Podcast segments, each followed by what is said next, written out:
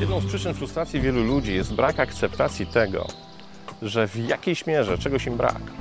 Że nie są tacy, jacy powinni ich własnym zdaniem być. Że nie spełniają określonych oczekiwań względem samych siebie. I dotyczy to zarówno cech zewnętrznych, takich jak wygląd, sylwetka czy uroda, jak i wewnętrznych, jak predyspozycje do wykonywania konkretnego zawodu, czy też talent w jakiejś konkretnej dziedzinie.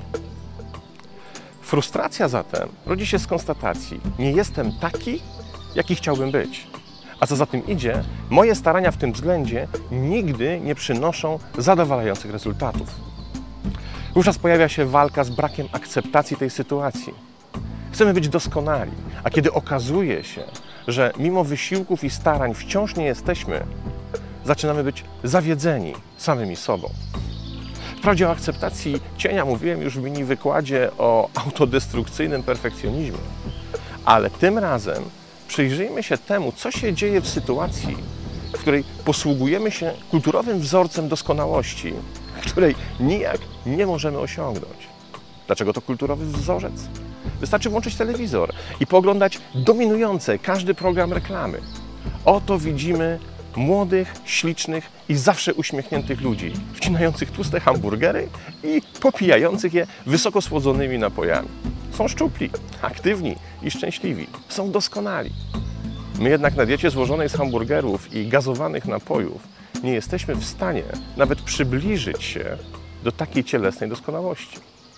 Ale nie koniec na tym. Ostatnio widziałem na ulicy olbrzymi billboard reklamujący usługi którejś z klinik chirurgii estetycznej. Napis głosił mniej więcej: Poprawimy Twoją urodę, byś mogła być wreszcie szczęśliwa. A to przecież oznacza jednocześnie kodujący się w mózgach wielu nastolatek i nie tylko przekaz. Teraz z obecną urodą, a mówiąc dosadniej, z jej niedoskonałością, nie możesz być szczęśliwa. I w ten sposób na każdym kroku uczymy się, że nasze naturalne mankamenty są czymś złym, wstydliwym, czymś, na co nie powinniśmy się godzić i czego nie powinniśmy akceptować. Każdy przejaw naszej niedoskonałości w tym przekazie wymaga natychmiastowej ingerencji i poprawy. Inaczej szczęście pozostaje dla nas wyłącznie w sferze marzeń. To bardzo niebezpieczny przekaz, który, prawdę mówiąc, potrafi nam zrujnować życie. Ale żeby wyjaśnić rzeczywisty poziom jego destrukcji, posłuchajmy się pewnym przykładem. Otóż wyobraź sobie, że akceptujesz w sobie to, że czasem zachowujesz się głupio, że masz do tego prawo.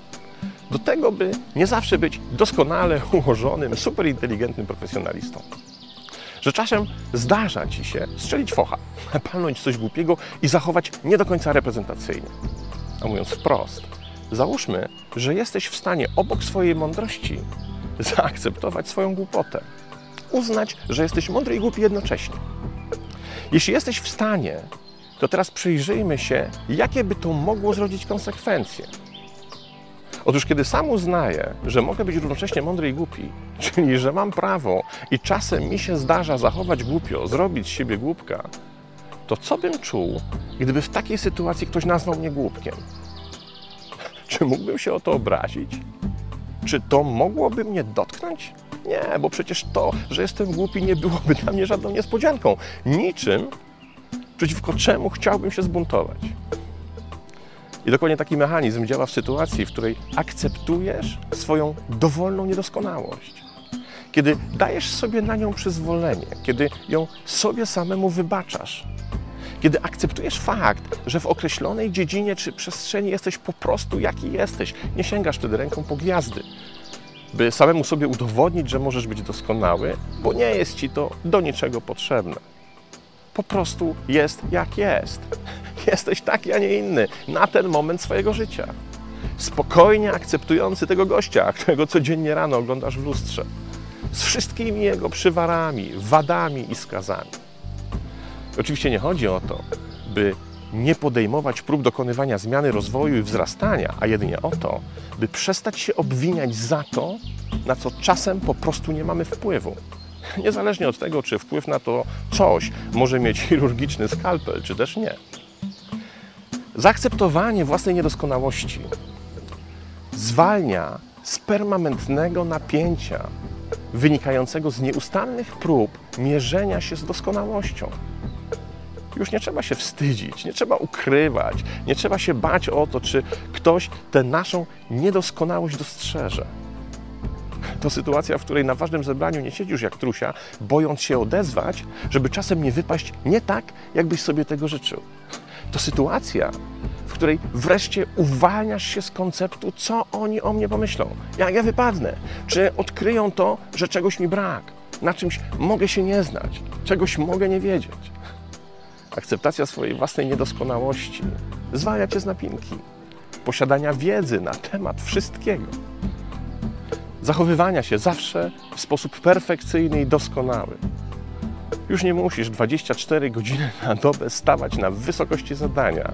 Możesz wyluzować, odpiąć guzik koszuli, poluźnić krawatkę i wreszcie odetchnąć pełną piersią. Uwalniasz się z wszechobecnego wyścigu do doskonałości, na którego mecie wszyscy wyglądają dokładnie tak samo. Idealnie wpasowując się we współczesny model doskonałości.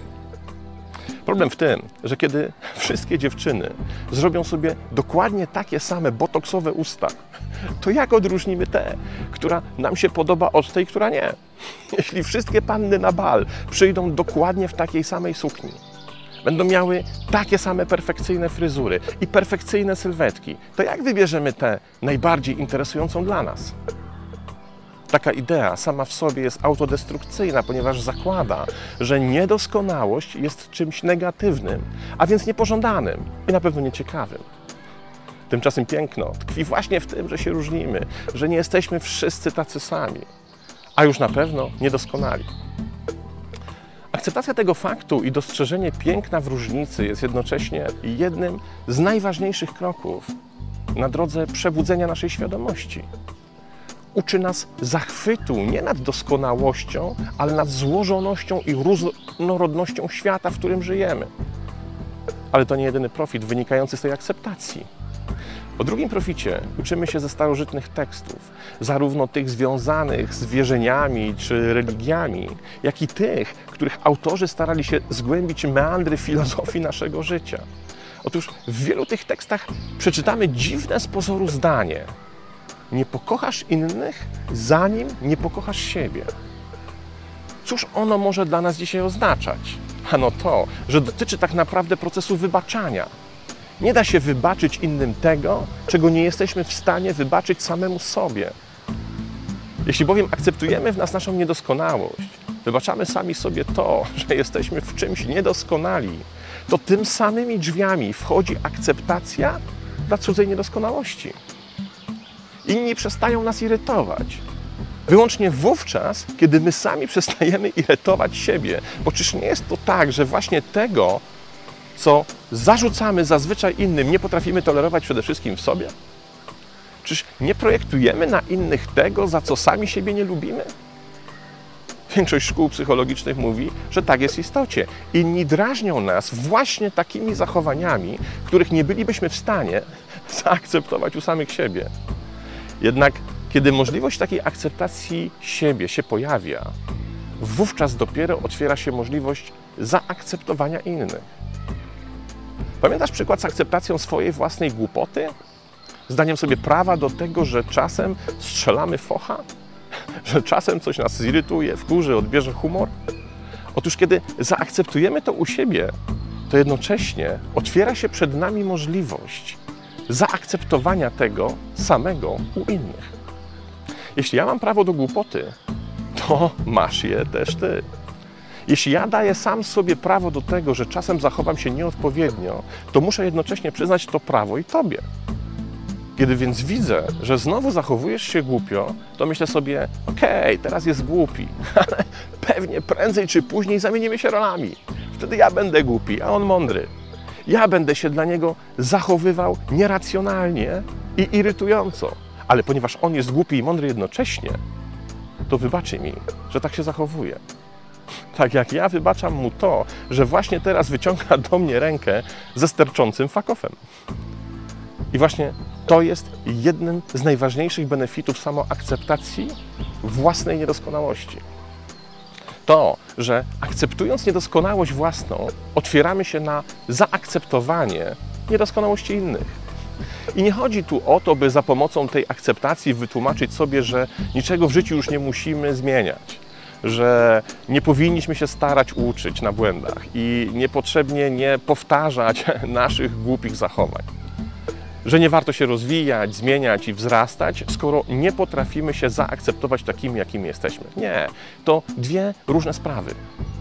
Czym innym jest uczenie się na błędach i dokonywanie w swoim zachowaniu stosownych korekt, a czym innym niemożność wybaczenia samemu sobie, że te błędy się popełniło.